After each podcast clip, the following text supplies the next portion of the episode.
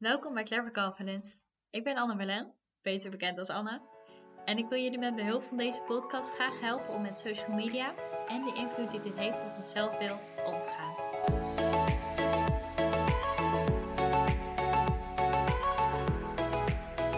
In deze tweede aflevering staat het thema bewustwording centraal. De eerste stap in het omgaan met social media is namelijk bewustwording. Bijna iedereen scrolt gedachteloos door Instagram of Facebook en zich niet bewust van wat ze zien en wat het met ze doet. Heb jij jezelf wel eens de vraag gesteld: hoe ziet mijn zelfbeeld eruit? Wat vind ik van mezelf? En hoe vaak vergelijk ik mezelf met anderen op social media? En wat doet die vergelijking met mijn zelfbeeld? Is het überhaupt realistisch wat ik zie op social media? Toen ik voor mijn onderzoek naar de invloed van social media op het zelfbeeld interviews aan het doen was met studenten, vertelde zij dat het besef dat social media niet realistisch is, heel erg hielp om er wat meer afstand van te nemen en je minder van aan te trekken. De bewustwording dat foto's op social media vaak bewerkt zijn, sowieso momentopnamen zijn en geposeerd zijn, hielp ze om te relativeren. Je herkent het vast wel, je bent door Instagram aan het scrollen en je ziet de ene na de andere perfecte foto. Maar waarom hebben we nou zo de neiging om ons zo positief mogelijk te presenteren op social media? Nou, er zijn meerdere dingen die hier een rol in spelen. En als eerste wil ik het schoonheidsideaal benoemen. In onze maatschappij wordt er ontzettend veel waarde gehecht aan de schoonheidsstandaard. En met name vrouwen worden dan ook sterk beoordeeld op hun uiterlijk. Door de globalisering wordt dit schoonheidsideaal verspreid en is er minder ruimte voor diversiteit. Denk bijvoorbeeld aan verschillende huidskleuren, verschillende maten, etc. En in mijn interviews besprak ik ook welke gedachten opkwamen bij het zien van foto's met betrekking tot de schoonheidsstandaard op bijvoorbeeld Instagram. De meiden van 18 gaven daarop antwoorden als: Ja, dan denk ik, zag ik er maar zo uit. Misschien klinkt dat ondertussen best wel normaal, maar in mijn ogen is het dat zeker niet. Want waarom? Waarom is er in hemelsnaam maar één schoonheidsideaal, die eigenlijk ook onbereikbaar is? Want je moet wel dun zijn, maar ook toond zijn. En je moet wel een grote kont hebben en grote borsten, maar het vet mag niet op andere plekken zitten. En zoveel mensen worden buitengesloten van deze schoonheidsstandaard. En dan denken ze vervolgens bij zichzelf: zag ik er maar zo uit? Ja, ik vind dat te gek voor woorden dat mensen wensen dat ze er anders uitzien om binnen een bepaalde standaard te passen. Ik bedoel, ik snap het natuurlijk, want er wordt zoveel druk gelegd op het uiterlijk. Maar het doet me wel pijn om te horen dat zoveel mensen moeite hebben met zichzelf accepteren zoals ze zijn. Hoe dan ook, deze schoonheidsstandaarden hebben een grote invloed op hoe gebruikers zich presenteren op social media. En daarnaast zijn wij mensen geneigd om aan zelfpromotie te doen. We willen indruk maken op anderen. En social media is hier natuurlijk super geschikt voor. Mensen hebben namelijk de totale controle over wat ze laten zien van zichzelf. Want ze kunnen poseren voor de foto, de foto bewerken, alleen de mooiste foto's posten, maar ook alleen de foto's van de leukste momenten uit hun leven. En dit noemen we ook wel onrealistische zelfpresentatie. Oké, maar waarom kan dat nou zorgen voor een negatief zelfbeeld? Nou, na zelfpromotie doen mensen van nature aan sociale vergelijking. Dat wil simpelweg zeggen dat we onszelf vergelijken met anderen om zo een beter beeld van onszelf te krijgen. Denk maar eens aan een keer dat je een 5 had voor een tentamen en tegen je ouders zei: Ja, dat is niet best, maar de rest had echt allemaal een 2 of een 3. In vergelijking met anderen doe je het dan niet zo slecht en dat kan je een beter gevoel geven over jezelf. In dat voorbeeld doen we aan neerwaartse sociale vergelijking. Dus dat wil zeggen dat we onszelf vergelijken met mensen die, volgens ons, de zaakjes, slechter af zijn. In veel gevallen heeft dat een positieve invloed op ons zelfbeeld. Maar dan is er natuurlijk ook nog de andere kant, opwaartse sociale vergelijking. Hierbij vergelijken we onszelf met mensen die volgens ons, de zaakjes, beter af zijn. Dit kan een motivatie zijn als er nog hoop is dat we onszelf kunnen verbeteren. Maar uit mijn onderzoek is gebleken dat dit in veel gevallen zorgt voor een negatieve invloed op het zelfbeeld. En je kunt je vast wel voorstellen dat de onrealistische zelfpresentatie op social media, in combinatie met die opwaartse sociale vergelijking, niet heel positief is voor ons zelfbeeld.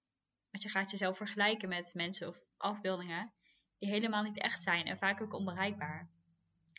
Zoals ik in de eerste aflevering heb benoemd, speelt het bestaande zelfbeeld, dus het beeld dat je al van jezelf hebt voordat je social media opent, ook een rol in de invloed die social media op jouw zelfbeeld heeft. Het is dus belangrijk dat je ook bewust wordt van jouw zelfbeeld op dit moment. En gevolgen van een negatief zelfbeeld zijn uiteenlopend. We kunnen gaan twijfelen aan onszelf, bevestiging van buitenaf zoeken, waardoor we vaak nog meer social media gaan gebruiken, maar zelfs depressieve klachten. Met een laag zelfbeeld en een lage zelfwaardering ben je ook eerder vatbaar voor social media fatigue, ook wel social media vermoeidheid. Social media fatigue ontstaat door een overload aan informatie op social media. Veel studenten gaven dit ook tijdens het interview aan. Ze hadden het over alle prikkels die ze krijgen via social media en dat dit heel moe kan maken. Maar ook de sociale vergelijking heeft invloed op social media fatigue. En gevolgen hiervan kunnen zijn bijvoorbeeld een afname van de levenstevredenheid, maar ook verminderde productiviteit. Daarom vind ik het zo belangrijk dat studenten, en natuurlijk ook mensen in het algemeen, de achterliggende processen van social media kennen en er bewust van worden. En uit mijn onderzoek bleek dus dat bewustwording van onder andere die onrealistische zelfpresentatie op social media studenten hielp om de negatieve invloed op hun zelfbeeld tegen te gaan. En daarnaast kan je ook bewust worden van je eigen social media gebruik. Gewoon een keer er even wat langer over stilstaan. Dat is ook al een heel goed begin om om te gaan met social media.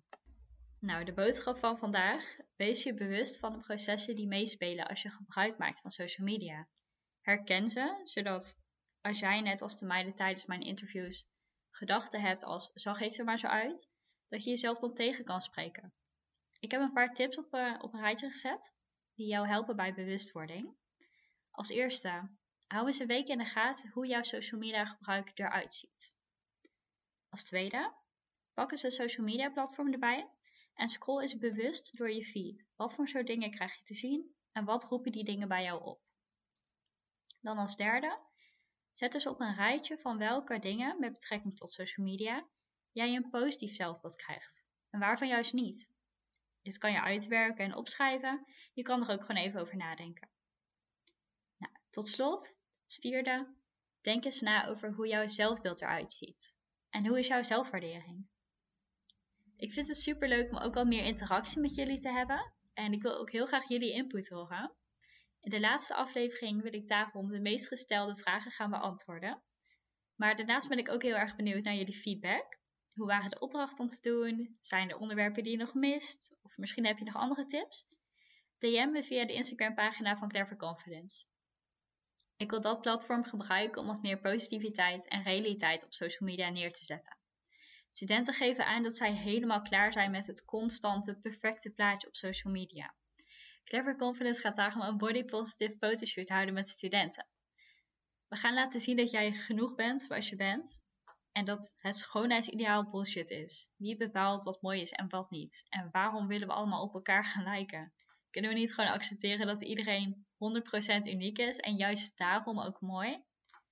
Nou, we gaan daarom ook geen Photoshop of wat dan ook gebruiken om de foto's de zaakjes mooier te maken.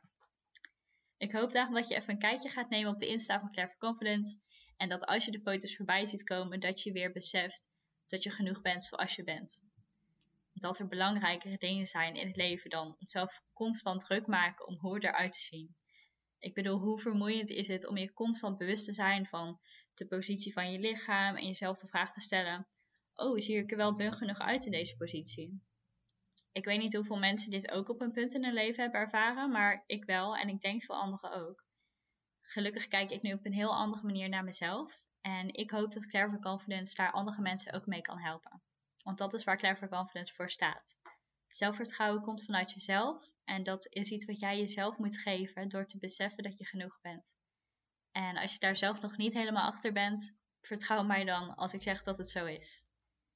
De eerstvolgende aflevering zal gaan over autonomie. Hiermee bedoel ik zelf de controle hebben. En dat is ook de tweede stap in het omgaan met social media. Super leuk dat je deze aflevering van Clever Confidence hebt geluisterd. En ik hoop dat je heel veel tips, positiviteit en geluk hieruit kan halen. Tot de volgende aflevering.